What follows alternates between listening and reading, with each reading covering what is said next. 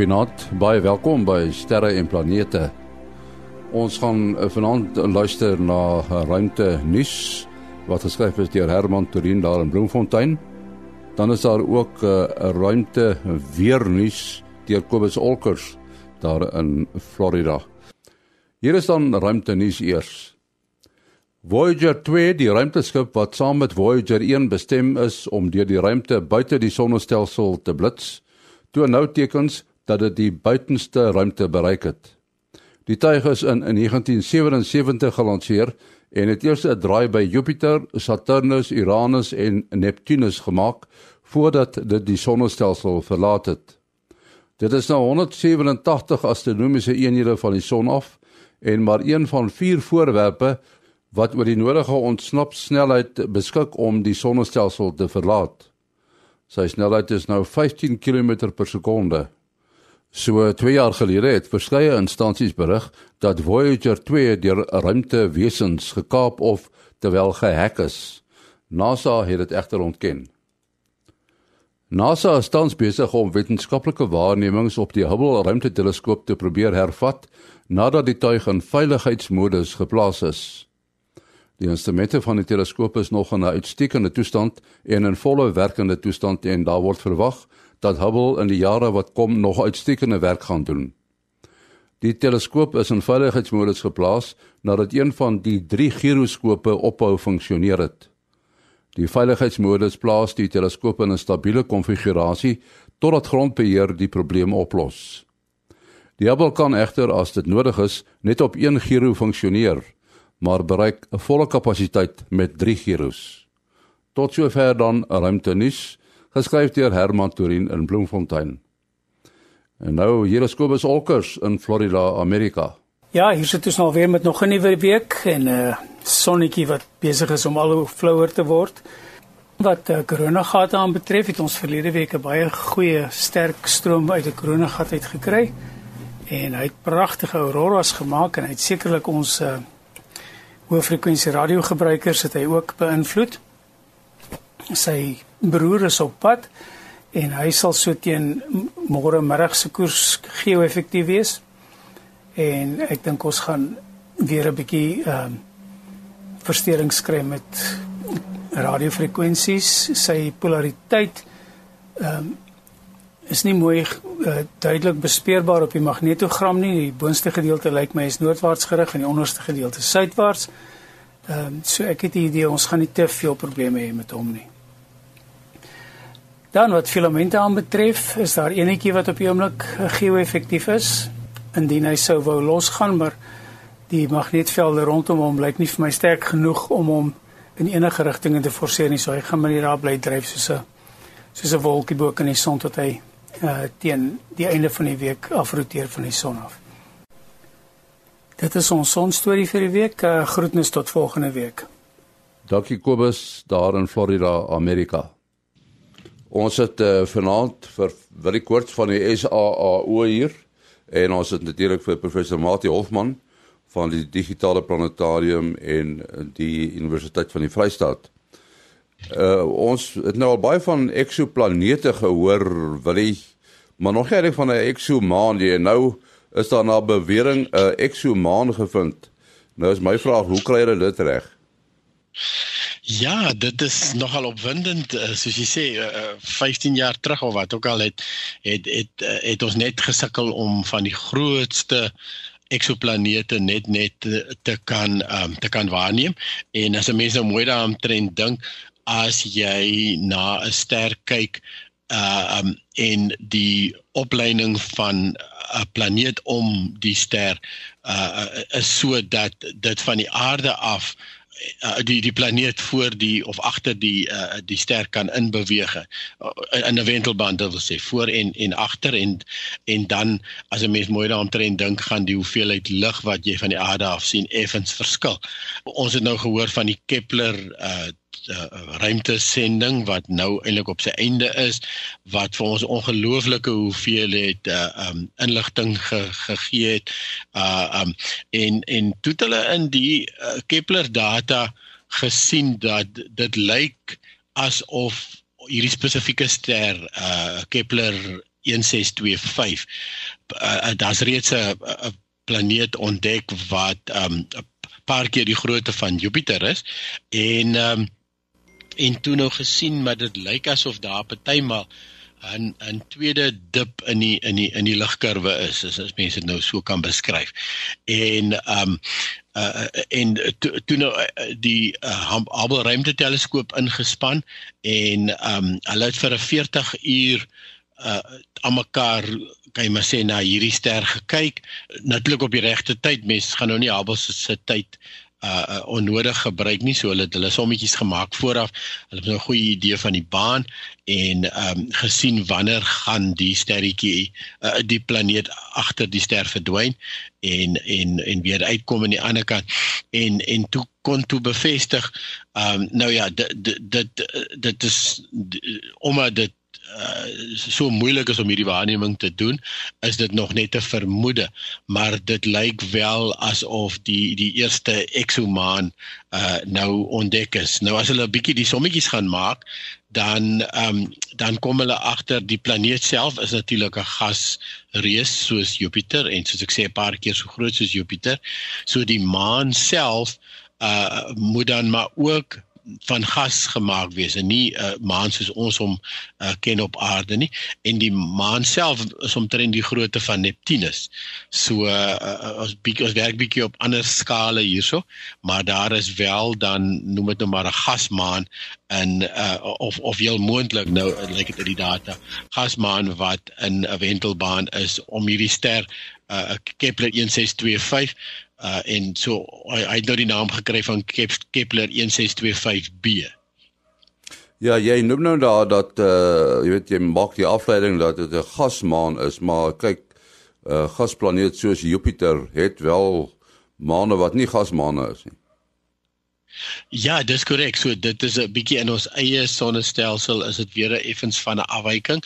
Ehm um, maar soos ons reeds gesien het, eksoplanete het ons uh hele dink van uh, hoe planete uit die groottes en so as ons net dink aan ons eie sonnestelsel waar uh, die uh, klip rotsagtige planete uh, klein rosagtige planete lê na in die son dan dis hierdie groot afstande tussen gasreuse aan die buitekant.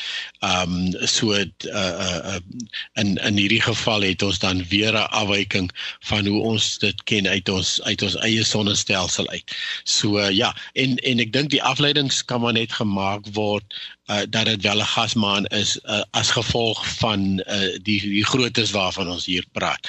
En en uh, die vermoede is dat dit dat dan sal ook 'n gas uh, liggaam wees en nie en nie 'n uh, rotsagtige een soos soos soos wat die uh, Jupiter se se eie maane natuurlik is nie. Ek nou wonder hoekom hulle nie uh besluit het om dit 'n dubbel planeet te noem, binêre planeet want uh dit so 'n groot voorwerp soos Neptunus wat 'n gasagtige voorwerp is en dan saam met uh, ander nog groter voorwerpe. Klink baie soos 'n binêre uh, planeet planetêre stelsel, maar ek dink nie dat op iets so 'n term seker bestaan nie. Uh miskien gaan hulle nog daaroor 'n bietjie debatteer. Ja, en natuurlik die ander uh die ander rede is ehm um, dit is wel baie naby aan aan die planeet uh um so maar soos jy sê ja mense kan miskien bietjie gaan gaan kyk na die definisies hierso. En wat is die definisie van 'n maan? Is maar gewoonlik iets wat om 'n planeet wentel. Ja. maar soos jy sê 'n binêre planeetstelsel is ook is baie 'n moontlikheid hierso definitief Ja, ons het al in die program oor uh, Voyager gepraat, Voyager 1 en 2 en uh, soos uh, Herman Torin in die nuusberig ook aandui, uh is Voyager 2 ook nou besig om die sogenaamde interstellêre ruimte gebied te betree. Uh Mati, wat sê ons as uh, ons sê hy betree die interstellêre ruimte? Ja, dit gaan oor tot waar die son sy invloed laat geld.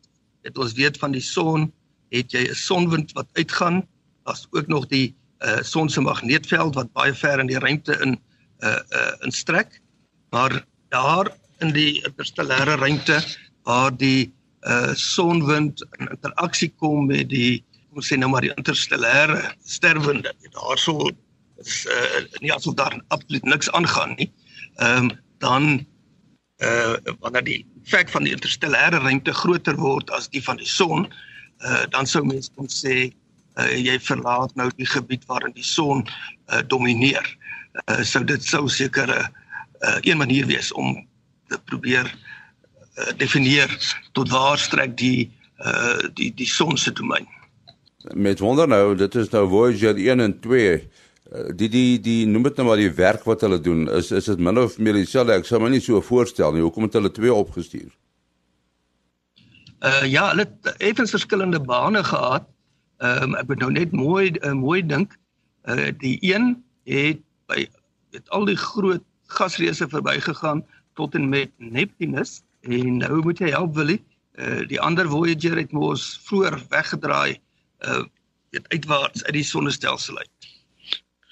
Uh ja, ja, ek dink jy's reg die die die die sendinge het het definitief in verskillende rigtings ge, gegaan. As 'n mens nou byvoorbeeld op uh heavensabove.com die uh um webwerf waarvan ons baie praat, is daar 'n oulike uh dingetjie wat sê where are the space probes now and dan wys dit nogal 'n mooi prentjie van waar hulle almal is en ja, en die twee se bane op hierdie stadium is amper 90 grade uitmekaar uit. So die lekkerte nou is dat ehm um, hulle hulle uh, verken nou 'n ander deel van die ruimte om om hierdie die sogenaamde heliopause uh, uh waar te neem. So so wat hulle nou sien met hierdie 5% verhoging in die uh tempo wat teen die kosmiese strale inkom is uh dit was met Voyager 1 uh ek dink dit was terug in 2012 uh het hulle 'n soortgelyke ding gesien en toe 3 maande later het hulle bepaal maar dit is dit het nou uit die uit die die, die invloed sweer van die son uit uit beweeg. So daar's dan skielike verhoging in interstellêre uh kosmiese straling en en wat die wat die son se invloed eintlik nie meer nie meer geld nie. En dan die, ook die ander interessante ding is dat 'n mens kan nie net suiwer op afstand gaan hoe ver van die son af moet dit gebeur nie want uh, die son se 11 jaar siklus van meer en minder aktief ehm um, beïnvloed ook hierdie sweer sodat jy kry dat die ehm um, dat die sweer is is is groter en kleiner en op die oomblik is dit by son minimum.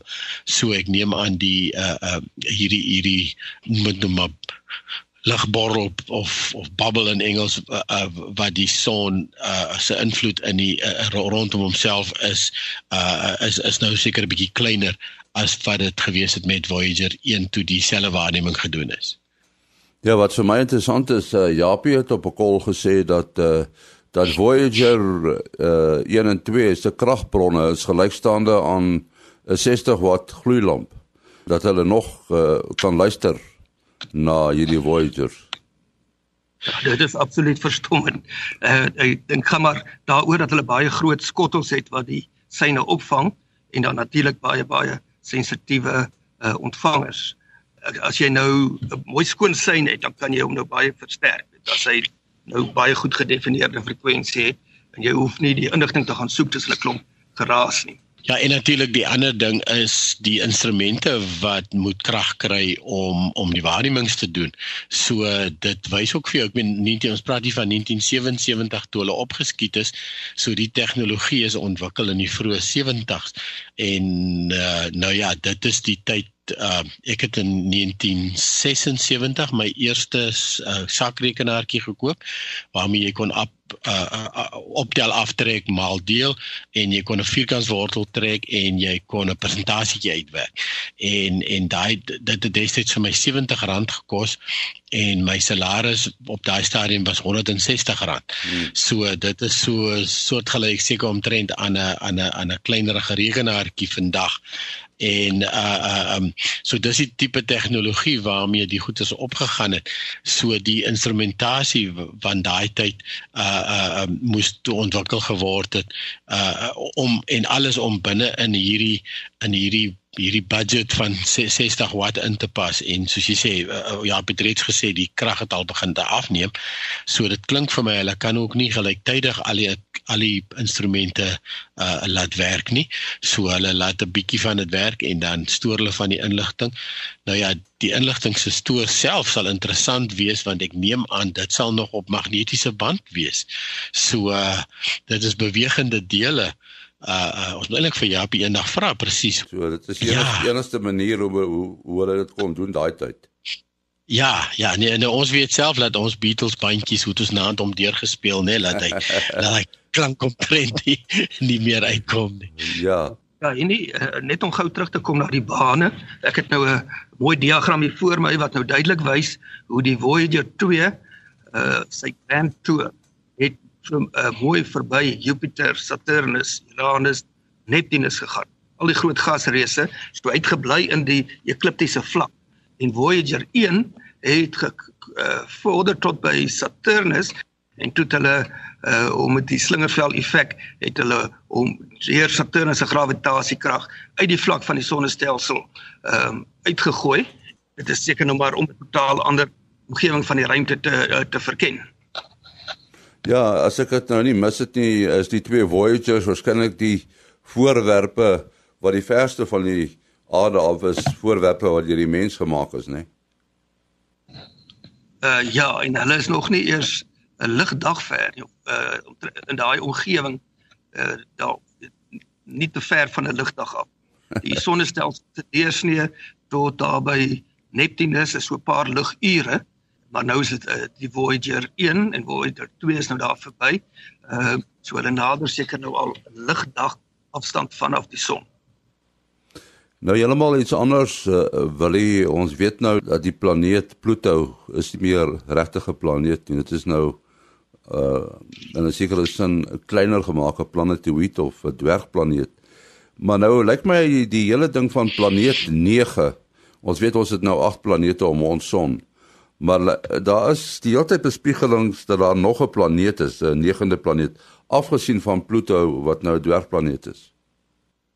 Ja, dis korrek. So 'n klompie jaar gelede het hulle nou ja, kom ons begin by die begin. So die die uh uh, Pluto weet ons lê natuurlik aan die ander kant van Neptunus en het ook hierdie uh, uh, redelike elliptiese baan. So dit is eintlik een van die redes hoekom Pluto uh, nie heeltemal ingepas het by die uh um tradisionele planete nie behalwe nog vir ander redes ook en um en soos ons tegnologie verbeter kan ons dan verder en verder kyk uh maar die uh voorwerpe raak ongelooflik dof om te sien op daardie stadium. En uh, so nou en dan kry ons van hulle wat na die nader aan die son kom draai of laat ek dit nou sê nader aan Pluto seker dan normaal of Pluto se baan die die die die die, die buitewyke van die van die sonnestelsel en um en dan kan ons van die goedes waarneem en uh, as 'n mens uh, uh, so 'n klompie jare hulle waarneem dan kan jy uiteindelik hulle baan bepaal. En ehm um, toe hulle so 2 3 jaar terug het hulle agtergekom dat as jy die meeste van die uh, voorwerpe wat bekend is 'n klompie van hulle se bane lyk asof hulle beïnvloed word deur een of ander massa daar buite uh, uh wat vir hulle almal 'n soortgelyke baan gee. Um en ons sien iets soortgelyks byvoorbeeld in Jupiter. Ons praat van die shepherding moons of die shepherding objects. En en uh, uh wat jy tipies kry in 'n in 'n groot voorwerp wat in 'n wentelbaan is um 'n end agter in sy eie baan en 'n end voor in in daai selfde baan. Uh kry jy dat 'n klompie voorwerpe bymekaar kom en dan saam uh, saam in hierdie baan beweeg, maar altyd dieselfde afstand voor en agter hierdie hierdie voorwerp. Gewoonlik so 60 grade as ek reg onthou. En um, en hier is 'n soortgelyke effek ongelukkig soos ek sê is daar baie min van hierdie voorwerpe wat ons nou al ontdek het. So dit is baie moeilik om te weet is is dit net toevallig of is dit 'n tendens? Maar hulle tog uh, as hulle die wiskunde dit deur hardloop kan hulle sien as jy 'n voorwerp wat uh, so eentjie groter is as die aarde um, dan op 'n sekere uh, uh, plek in in hierdie bane. Nou soos ek sê dit is heel aan die ander kant van Neptunus.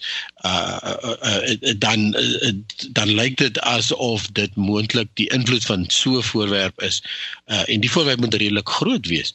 Maar ehm um, die voorwerp is natuurlik 'n hele gaan aan 'n hele afstand ver weg wees om om om te sien. So nou het hulle 'n voorwerp ontwerp uh, ontdek wat weer inpas by hierdie ehm um, hierdie hierdie hierdie shepherd dit dit lyk asof asof sy baan nou ook so so 3 jaar wat hulle hom bestudeer. Hulle het onder andere die 8-duim Japaneese Subaru teleskoop gebruik en ook ander teleskope en en nou het hulle die voorwerp met die interessante naam of die die minder interessante naam van 2015 TG387 en hulle het hom sommer 'n 'n bynaam gegee Goblin. Uh, uh want dit dit dit iets te doen met Halloween lyk like dit vir my. Ek verstaan nie heeltemal die Halloween storie nie maar en hulle skat die voorwerp is so 300 km in deursnee en um en sy baan uh, sal hom so naby as 65 maal die afstand van ons na die son toe. 65 astronomiese eenhede uh bring en dan gaan hy ook uit tot 2300 astronomiese eenhede. Dit is massief. As jy nou dink Pluto is so by 40 waar hy op sy verste gaan draai en die voorwerp sal iets soos 40000 jaar vat om eenmal sy ba baan te voltooi. So ons is nou gelukkig uh, die voorwerp was nou so 80 astronomiese eenhede toe hulle hom ontdek het en nou kan hy waargeneem word en dit beteken dat ehm um, hulle het nou sy baan bepaal en en en dit lyk nogal of of hy uh inpas by by al hierdie ander. Dit is maar iets soos vir 99% van die tyd uh, van hierdie 40000 jaar wat die voorwerp vat om sy baan te voltooi, uh, kan ons hom nie waarneem van die aarde af nie waar hy net te flou raak. So ons is nou eintlik gelukkig om in hierdie venstertjie te wees. So die aard van die saak is hulle nou besig om baie ernstig te soek vir voorwerpe uh nog daar daar buite en natuurlik vir hierdie sogenaamde planeet 9 of planeet X en uh, ons moenie dit verwar met uh, uh hierdie uh, uh Nibiru en al hierdie ander planeet X se storie. X was natuurlik nou al 'n paar keer gebruik as 'n plekhouer selfs Pluto voor Pluto uiteindelik ontdek was want daar's ook interaksie tussen Pluto en Neptunus. So toe Neptunus ontdek is, het hulle gesien daar is een of ander voorwerp wat vir Neptunus se baan beïnvloed. En en en dit was eers planeet X tot Pluto uiteindelik ontdek is in 1930 en en toe nou 'n naam gekry het. So uh miskien is planeet 9 dalk 'n minder kontroversiële ding om hom te noem. Um, maar dis in elk geval 'n plekhouer op hierdie stadium totdat die die voorwerp hopelik uiteindelik ontdek gaan word. Willie, as jy mens nou kyk na ons uh, eie sonnestelsel, die Melkweg en iets soos Andromeda, die ruimte tussen Andromeda en die Melkweg. Wat is daar? Nie veel nie. hulle noem dit hulle hulle noem dit ruimte vir niks nie, né? Nee. Ek hoe sê hulle in Engels, hulle call it space for nothing. Ja. Ehm um, maar dit is nogtans uh, uh, eintlik ongelooflik dat daar daar daar is, ek meen ons het nou, nou ons het nou net gehoor van die van, van die kosmiese strale wat uh, wat, wat deur die Voyagers opgetel word. En en hierdie is baie hoë energieke partikels wat wat deur die ruimte trek. So daar is nooit heeltemal niks nie. Nou ek by my daaglikse werk het ek nou te doen met hoë vakuumstelsels baie en ehm um, en as 'n mens nou begin dink in in die eerste plek um, mense kan kan nie verstaan uh hoekom dit nou so moeilik is om 'n hoë vakuum te pomp op die aarde nie. Jy jy pomp net die lug uit. Nou ehm um, as jy as jy 'n 'n 'n toehouer wat nou baie noukeurig toegemaak is, geen lekke nie. Uh uh, as jy begin pomp daaraan dan ehm um, binne die eerste paar minute het jy wel die meeste van die lug uitgepomp. En en daarna begin dit net al hoe moeiliker te raak om die lug uit te kry want die molekules word voel nie meer die pomp nie. So dit maak nie saak uh ek meen 'n molekuule kan hop en hop en hy kan hy kan by die bek van die pomploop draai 'n verkeerde verkeerde hop maak en weer teruggaan in jou in jou houer in. En um en dan begin jy meer op statistiek te werk. Jy jy 'n sekere hoeveelheid van hulle vind wel hulle pad in die pomp in en en die word die die pomp neem hulle dan uit die stelsel uit. En natuurlik jou jou ons gebruik maar gewoonlik uh, rubber oorringe uh, uh wat wat uh, in om no, normale omstandighede lyk dit of dit perfek seël maar ehm um, jy jy kan nie glo dat dat ehm um, dat selfs sekere gasse vind hulle pad dwars deur die die rubber. Ehm um, nou ons as ons nou byvoorbeeld 'n lektoets doen om te kyk of of 'n stelsel lek. Nou ek was nou uh verlede week daar in Sutherland gewees en ons het daar 'n stelsel gehad wat hulle oop gehad het. Uh 'n groot instrument en die instrument het toe 'n lek ontwikkel en uh, dan gebruik ons helium om die lek op te spoor. En en en helium is natuurlik besonder omdat helium jy kry nie helium in die atmosfeer nie, so dit help nou nie jy gebruik stikstof byvoorbeeld nie want as 70% van die lug bestaan uit stikstof, so as jy nog stikstof spuit daar buite, da, dan gaan die pomp dit nou nie die detektor dit nie eintlik sien nie. So helium is is nie in die atmosfeer nie soos jy bietjie helium rondom hierdie instrument blaas word hy ingesuig deur die deur die deur die lekplek en dan ehm um, en dan kan jy hom kan jy hom optel. Ehm um, nou net ek meen ek wyk nou bietjie af van die antwoord maar dit is dit is net interessant om te dink dat uiteindelik uh, het ons 'n haar gekry en dit was eintlik dit lyk gelyk soos 'n ooghaar wat op die een ooring beland het en toe toe die ding nou toegeskroef word het ehm um, het hy nou 'n klein paadjie gemaak waardeur die helium en die lug dan ingesuig word. So dit gee net vir jou 'n idee van hoe dig seël ons hierdie stelsels en selfs dan as ons dan sê oornag 'n vakuumpomp, so ons pomp vir 24 uur aan mekaar, dan um, ons begin nou hier in die in in die onderend van die ultra high vacuums begin ons te kom wat jy op op aarde kan kan doen. Uh um, nou as jy wil hoë hoër vakuums soos dit trek, moet jy 'n uh, koper oorringe gebruik. So jy dan jy 'n koper ring uh, wat uh, in die twee helftes wat jy aan mekaar uh, skroef het dan soos 'n soos 'n lemmetjie wat in die koper in inbyt. En jy kan daai koper net eenmaal gebruik. Jy kan hom nie oorgebruik nie, dan weer 'n nuwe een gebruik want die lemmetjie gaan nie altyd op dieselfde plek byt nie en uh en dan moet jy die stelsels begin te uitbak want op die rande op die metaaloppervlakke sê van jou van jou houer sit daar honderde en honderde lae molekules vasgepak. Hulle sit net daar geplak en en en uh, hulle hulle aantrekkingskrag hou hulle daarso en en om die goed te begin loskry dat hulle in die atmosfeer kom dat hulle in die pomp kan beland moet jy die hele spul bak. Nou dan kan jy nou bietjie nog hoër vakuums gaan en en as jy uiteindelik kom by by die hoogste vakuum wat jy op aarde kan vorm dan in 'n kubieke sentimeter het jy nog 'n paar honderd duisend molekules Nou in die ruimte het jy omtrent 1 of 2 molekules per per kubieke sentimeter.